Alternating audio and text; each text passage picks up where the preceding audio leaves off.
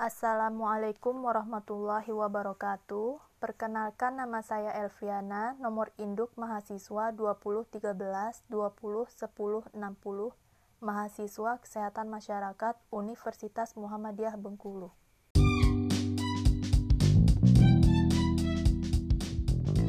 Assalamualaikum warahmatullahi wabarakatuh. Nama saya Elviana, nomor induk mahasiswa 20 13 20 10 60 mahasiswa Kesehatan Masyarakat Universitas Muhammadiyah Bengkulu. Di sini saya akan menjelaskan tentang integrasi nasional. Integrasi nasional adalah usaha dan proses mempersatukan perbedaan-perbedaan yang ada pada suatu negara sehingga terciptanya keseraian dan keselarasan secara nasional.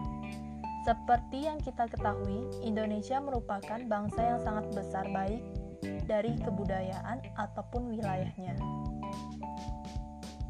Strategi integrasi nasional merupakan penyatuan berbagai unsur dalam masyarakat berdasarkan aturan tertentu sehingga terjadi kesepakatan dan tujuan secara nasional untuk diwujudkan bersama. Asimilasi adalah menyatukan masyarakat dengan menjadikan budaya yang dominan sebagai acuan dan budaya lain melembur di dalamnya. Isu-isu aktual integrasi nasional atau ancaman terhadap integrasi nasional bidang sosial budaya dari dalam didorong oleh faktor-faktor sebagai berikut.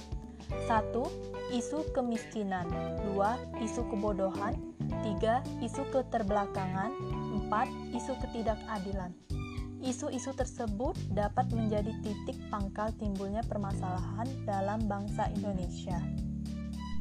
Antara lain, A.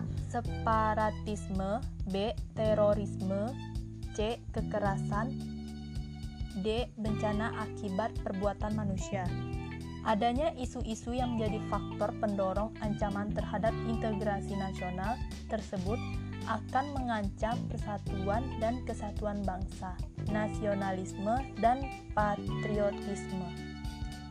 Kurang lebihnya, penjelasan integrasi nasional hanya itu yang dapat saya sampaikan. Wassalamualaikum warahmatullahi wabarakatuh.